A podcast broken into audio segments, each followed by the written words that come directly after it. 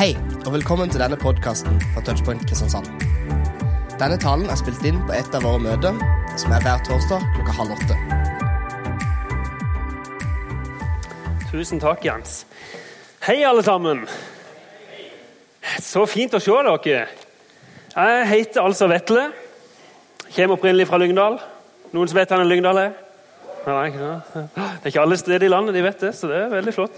Eh, I hvert fall ikke Nei, men eh, jeg eh, er altså gift med ei som heter Turi. Ei flott og veldig god dame. Og vi har to barn, Benjamin og Jonathan, på fire må tenke, Nei, fem! To, fem år! Det er helt sinnssykt! Fem år og to år. og så har vi akkurat flytta til Voss. Ja, det er fantastisk. Hun er derifra, så det ble sånn. Eller Nei, det er ikke hele historien. Men, men, men det er en del av det.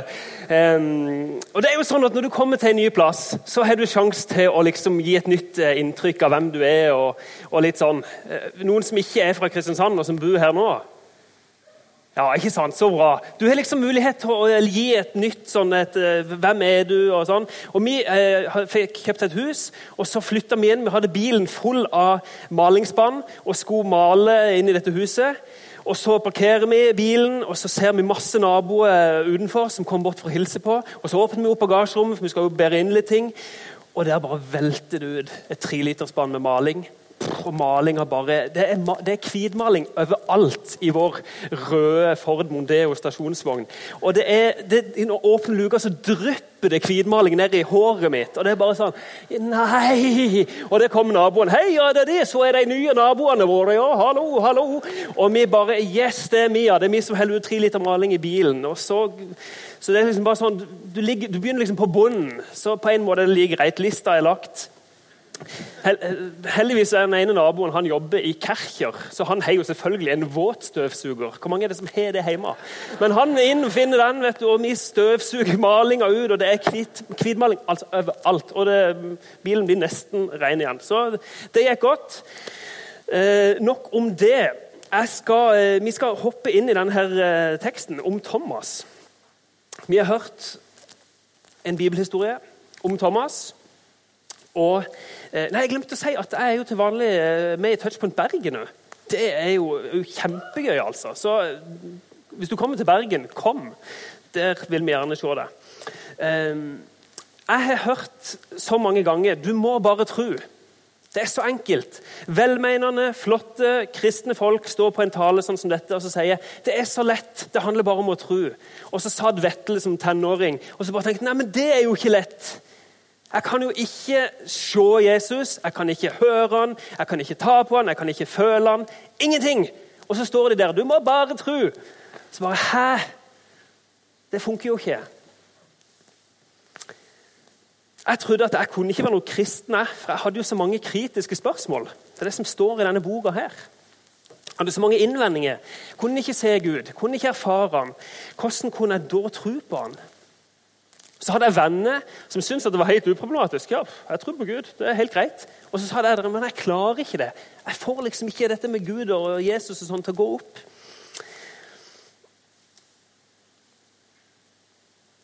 Hvor er du henne? Hvordan er dette for deg? Er du en sånn som at det, det å tro det er egentlig ganske lett? Eller er du der at jeg vet egentlig ikke helt om jeg klarer å tro på det? Jeg gjorde det før, da jeg var yngre, men Eller kanskje du aldri trodde på det? Jeg tror at vi beveger oss langs denne her aksen alle mann alle i løpet av livet. Tro og tvil. Og Vi skal treffe en som vi hørte om i bibelteksten, Thomas. Han har fått eh, det tilnavnet Tvileren i noen sammenhenger. Det er jo gøy å ha hengende med deg i 2000 år. Ehm, bakgrunnen for historien om Thomas er at Jesus har blitt drept. Og så er det noen som begynner å snakke om at de har sett han i livet. Det er jo helt umulig. De har sett Jesus bli drept av profesjonelle romerske bødler på et kors. No chance de overlevde det. Og så er det folk som sier de har sett ham. Men Thomas han, han, er ikke helt med på den. Eh, hadde, de som hadde fulgt Jesus, disiplene, som vi kaller de, eller læresveinene, som de sier på nynorsk. Det er jo et vakkert ord, da. Hæ? Læresveiner. Det er, de, de hadde hørt at Jesus hadde sagt at han skulle stå opp igjen. Ok? Disiplene det var de som ble de første lederne av den første kirka. Hva har de gjort etter at Jesus ble drept? Jo, de har låst deg inne på et rom. Det er bare en liten parentes. Hvis du skal dikte opp noe, hvis dette var liksom bare fantasi, så skriver du ikke om alle lederne dine. Ja, De var livredde, de trodde ikke på noe av det mesteren sa. De gjemte seg i et rom. Så det er liksom, Hvem ville finne på noe sånt? Det er eneste forklaringa er at dette må jo ha skjedd. For ingen ville finne på noe så dumt. Så eh, De var redde. De, eh, trodde, eh, Romerne trodde at Jesus var en opprører. Hvordan ville det nå gå med de som hadde fulgt denne opprøreren Jesus? Eh, så eh, ser vi det at Thomas, han Der kom dette, ja. Han sa til de som sa at de hadde sett ham Dersom jeg ikke får se naglemerkene i hendene hans og legge Det ble for smått og legge fingeren i dem og stikke hånda i sida hans, kan jeg ikke tro. Ok, Han klarte ikke å tro på det. Han fikk seg ikke til å tro det. At den samme mannen han hadde sett bli henretta, nå levde.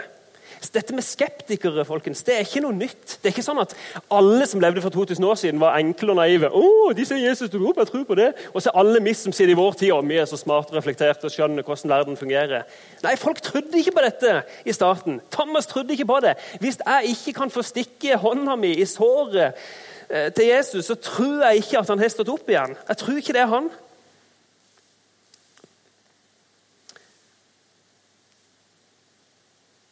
Og når Thomas sa dette til de andre, at han klarte ikke å tro på det, så kunne jo de sagt ja, men du må jo bare tro. Bare tro blindt. Er det ikke en flott historie, i hvert fall? Du kan jo tro på det, for det er litt fint å tenke på at Jesus på en måte har stått opp kanskje sånn inni hjertene våre eller i tankene våre. At det er litt sånn fin tanke. Nei, Thomas var ikke interessert i noe av det. Han måtte vite. Var det sånn at den virkelige Jesus hadde stått opp, eller ikke? Og Etter hvert så møter Jesus han, står det i denne teksten. Og Da kunne jo Jesus sagt du må bare tro. Eller hvorfor er du så vanskelig? Se på de andre disiplene. Se på han der Peter. Han trodde på det når han så meg. Hvorfor er du så mye vanskeligere enn de andre? Nei, Jesus han sier ikke noe sånn. Han strekker seg så langt for å møte Thomas sin tvil. Hør hva han sier. Kom med fingeren din. Se, her er hendene mine. Kom med hånda og stikk den i sida mi.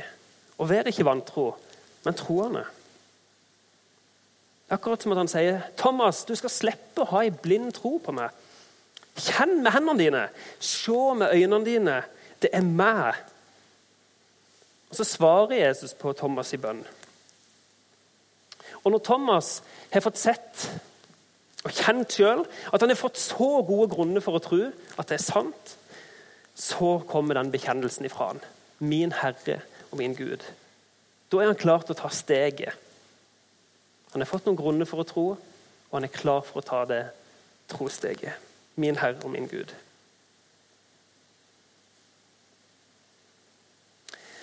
Så sier Jesus noe som jeg har lurt på mange ganger. Han sier, 'Fordi du har sett meg, tror du.' Salige er de som ikke ser og likevel tror.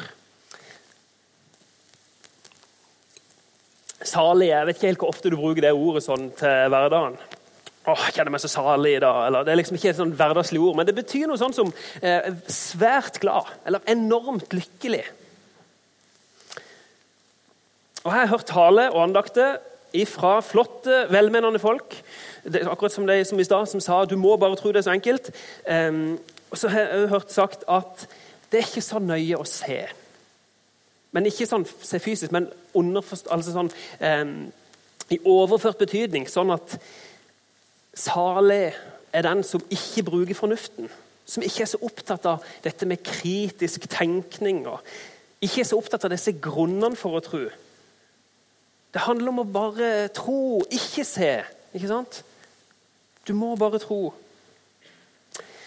En gang i ungdomstida hadde jeg til og med en leder som sa Vetle, du må ikke tenke så mye. Det er, ikke, det er, ikke, så viktig med det fornuften og de grunnene for å tro. og sånt. Det har ikke noe for seg. Men så kjente jeg meg igjen i denne Thomas, som ikke klarte å tro. Jeg måtte utforske om det var sant. Eh, jeg tror ikke at Jesus mente dette her han sa her, som en sånn 'ikke tenk kritisk'. Jeg tror og det er jo nettopp fordi at De første som fortalte om det som hadde skjedd, de argumenterte jo for at Jesus hadde stått opp igjen. Jeg tror Jesus snakka om noe veldig fysisk. Eh, at Thomas hadde så han fysisk med øynene. Ikke i overført betydning, han fikk, men altså han så han med øynene, derfor trodde han. Og at alle vi som lever etterpå, vi kan ikke gjøre det. Men vi kan òg være salige eller svært lykkelige.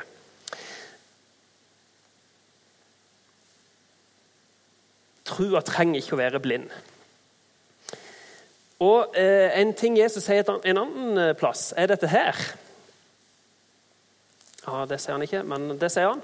Eh, du skal elske Herren din Gud av hele ditt hjerte og av hele din sjel og av all din forstand.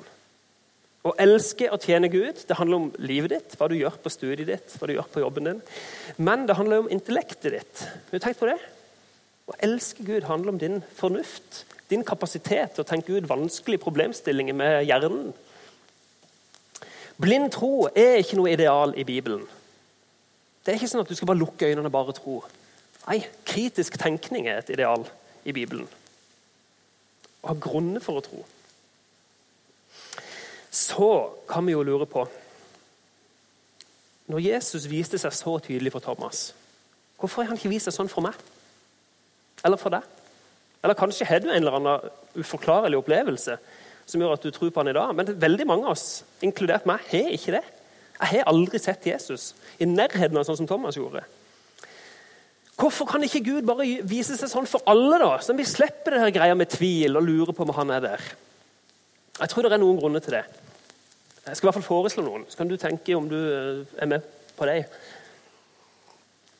For det første så står det i 1. Eh, Timoteus brev, kapittel 6. Han, kongenes konge og herrenes herre, som bor i et lys dit ingen kan komme han som intet menneske har sett, og ingen kan se.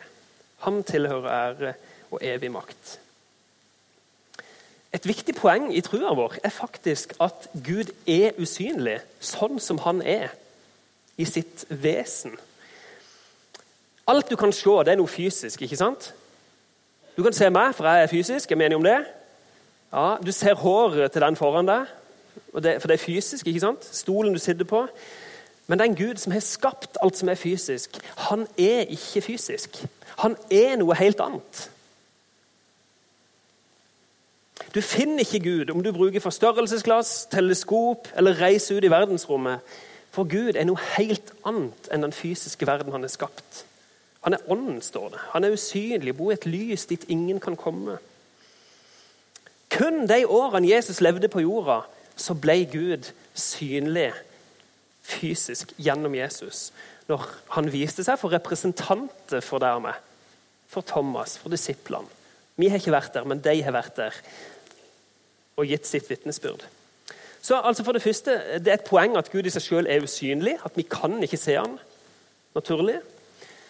Eh, for det andre så er det noe med at hvis jeg, jeg kan bevise at to pluss to er fire Er vi enige om det? kan, gjennom matematikk så kan vi bevise at det er sant. Hvis du ikke tror på det, så, så er det på en måte, da kommer vi liksom ingen vei. For er liksom, den er ferdig. Vi er ferdig med den. Um, men har du da noen reell frihet til å ikke tro på det? Har du tenkt på det? Er du fri til å liksom, eller Føler du deg fri til å Ja, jeg tror at to pluss to er fem, og det er så deilig! Ikke sant?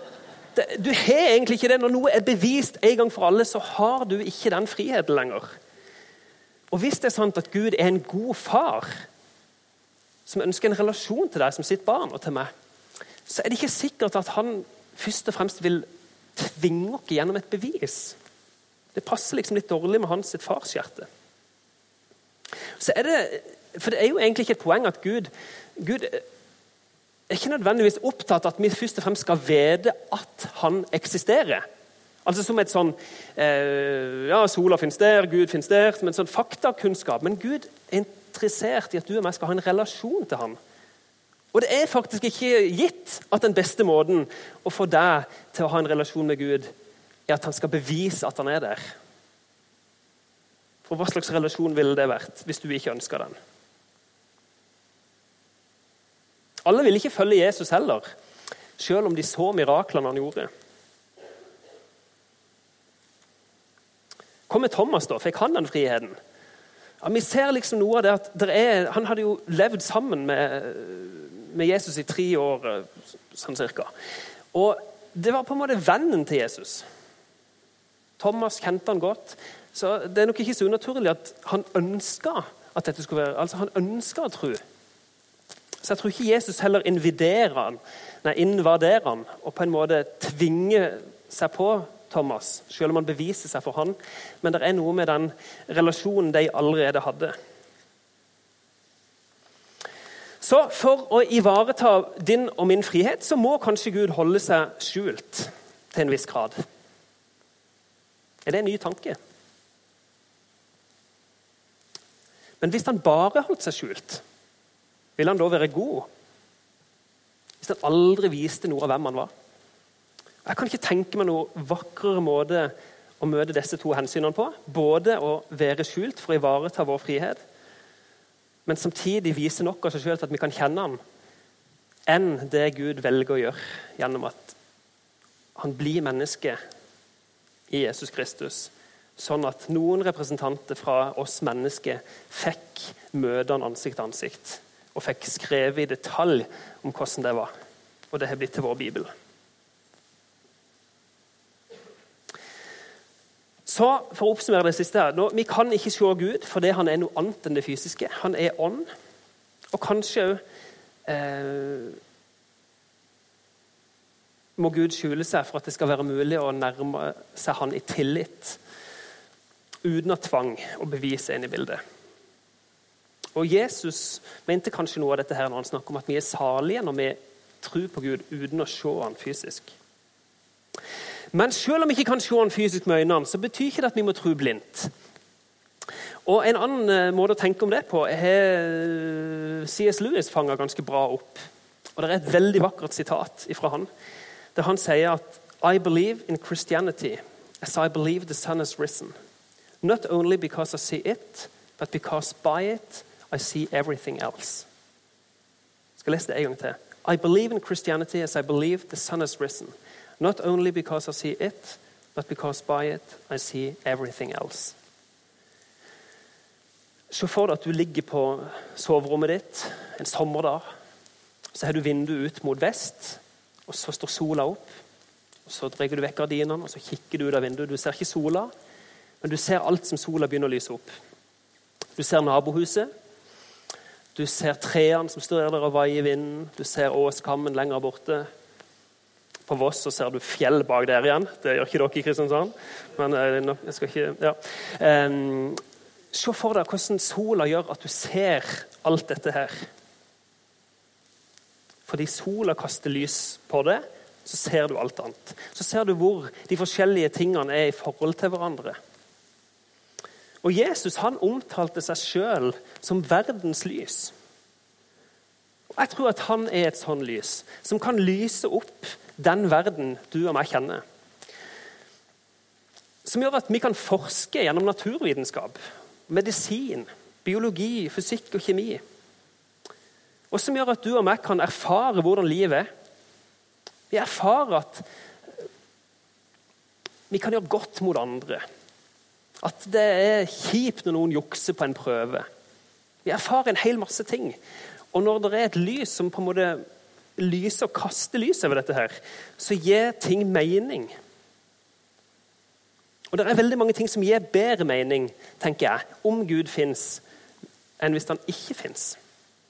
Og Du skal få ei liste som er altfor lang, men det gjør ingenting. For vi har enda noen minutter.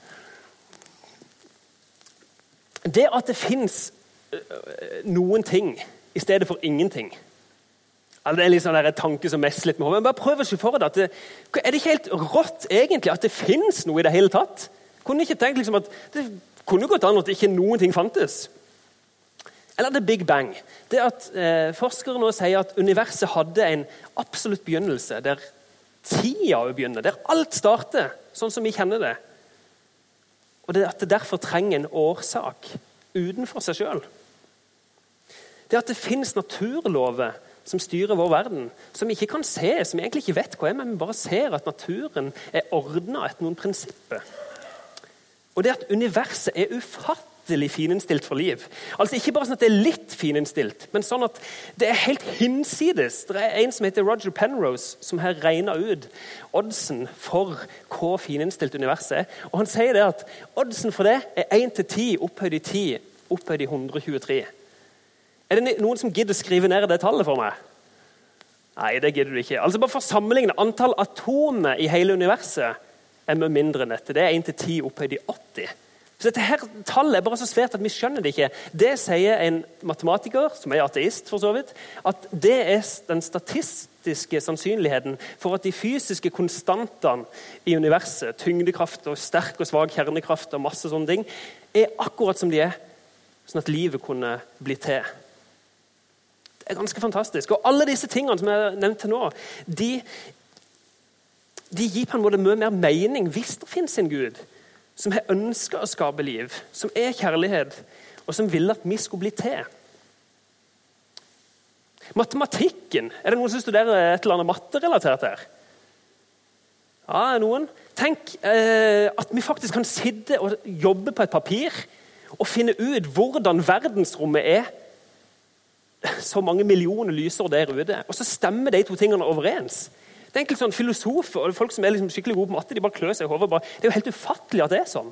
Det er nesten som at universet er skrevet på et språk av noen. At vi erfarer det at det fins noe som er godt, og noe som er ondt. At det er ikke sånn at det er likegyldig, det som er godt eller ondt, men at misbruk og at slaveri Sånne ting er ondt. Det er galt. Uansett om alle mennesker i en gitt periode mener at det er greit, så tror vi at nei, det er ikke greit. Det er galt. Ferdig snakka. Eller det håpet som så mange bærer på om at verden en dag skal bli bedre. Bare tenk på hvor mange som sitter og ser på nyhetssendinger og tenker at det er jo ikke sånn det egentlig skal være. Hvor kommer det ifra? Hvor kommer den tanken om et håp? At livet er meningsfylt og ikke dypest sett meningsløst. Det At mennesket har verdi, at vi har noen menneskerettigheter. Ja, Hvor i alle dager kommer de fra? Om det ikke er en Gud som gir sin garanti for at du er verdifull, uansett hva alle andre mennesker måtte mene. At så mange mennesker har åndelige erfaringer. og Det er liksom ikke bare én eller to eller tre, men det er så vanvittig mange mennesker til alle tider, på alle kontinenter. Eh, at vi har en bevissthet. og Det er jo fascinerende med bevissthet. Mange bevissthetsfilosofer er enige om at når du liksom legger sammen summen av alle disse fysiske prosessene i hjernen, som en ser at bevissthet foregår i, så får du allikevel noe my mye mer. Altså, det er veldig vanskelig å redusere bevisstheten. Det at vi kan tenke over at vi tenker. Dette blir kjempesvevende. Men, men altså, at det er noe mer enn noe fysisk. Hvor kommer dette fra? Så har vi historiske argumenter for oppstandelsen, at Jesus sto opp igjen. og De er utrolig gode. Helt fascinerende gode til å være 2000 år gamle. At vi har fri vilje, at vi er ansvarlige for handlingene våre. Noe som hele rettsstaten vi lever i, er basert på. Og det at alle mennesker i alle kulturer til alle tider har hatt en forestilling om en gud, om et evig liv. Hvor kommer det fra? Jeg blir tørst, for det, det fins vann jeg kan drikke. Folk lengter etter Gud, etter evigheten, fordi den fins.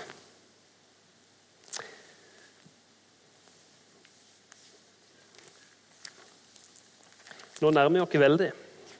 Alle disse tingene, og det er mange mange flere, gir veldig god mening dersom Gud fins. Og Det er en som har sagt at det beste argumentet for at det fins en Gud, er at det fins så veldig mange argumenter.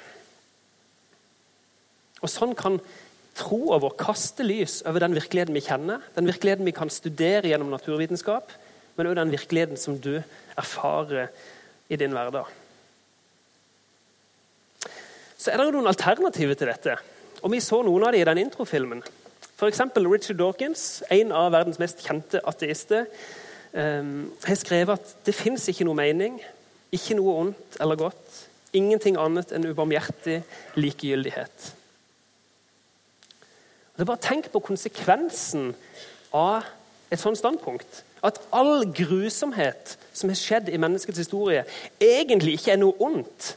Det er bare en sånn likegyldig valg i denne uendelig lange, meningsløse utviklinga. Og at alt du opplever som meningsfylt i ditt liv, til sjuende og sist ikke har noe verdi. Det er et ganske trist alternativ. Fredrik Nietzsche, eh, ateist, kjempestor filosof, han eh, var egentlig ganske smart. for han, eh, eller Det er veldig mange ateister som er veldig smarte, ikke misforstå.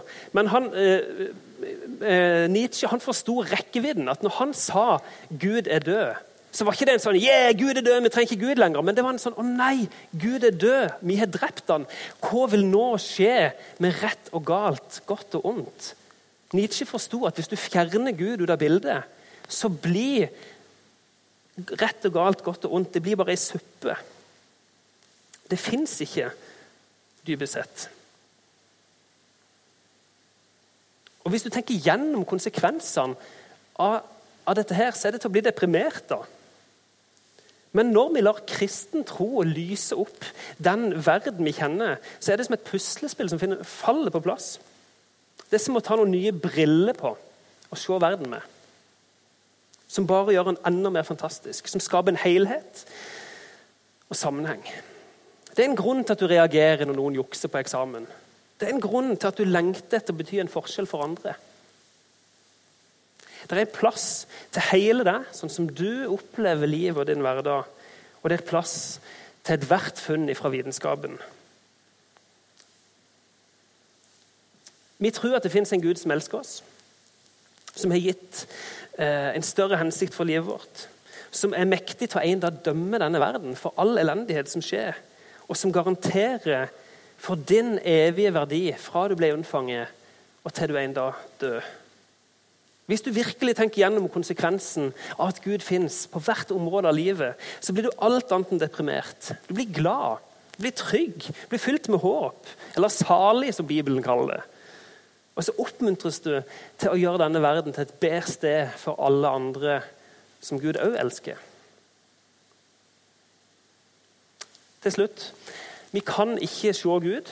Kanskje er det jo et poeng at vi ikke skal kunne se Han. Muligens. For å beholde friheten vår. Men det betyr ikke at trua vår er blind. Teksten vi hørte den slutter med at Jesus gjorde også mange andre tegn for øynene på disiplene. Tegn som det ikke er skrevet om i denne boken. Men disse er skrevet ned for at dere skal tro at Jesus er Messias, Guds sønn, og for at dere ved troen skal ha liv i hans navn. Vi har fått grunner for å tro. Gjennom Thomas og de første disiplene, tegnene de så, de sin vitnesbyrd og historie. Og gjennom de grunnene, og gjennom andre grunner som er ramsa opp her i stad, så blir på en måte Gud det lyset som lyser opp virkeligheten sånn som vi kjenner den. Så jeg vil bare oppfordre deg til å øve deg på å se på livet ditt, menneskene rundt deg, vitenskapen, i lys at det fins en Gud som elsker oss. Det vil kunne forvandle livet ditt. Og Målet med disse grunnene vi har fått for å tro, er at en dag så skal vi få leve evig sammen med Gud, sammen med hverandre. Eh, målet er at vi skal tro at Jesus er Messias, Guds sønn, så du og jeg kan leve med han i all evighet. Kom til han. Vi ber. Gode Gud, du som har vært fra evighet og som fortsatt er, og alltid skal være der.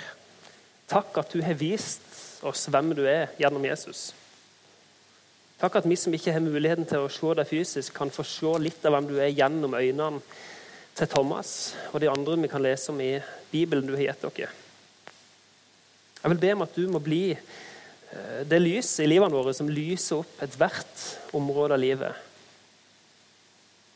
At du lyser opp og Hjelp oss i møte med tvil, i møte med ondskap. Kom til oss, Gud. Velsign dere i ditt navn. Amen.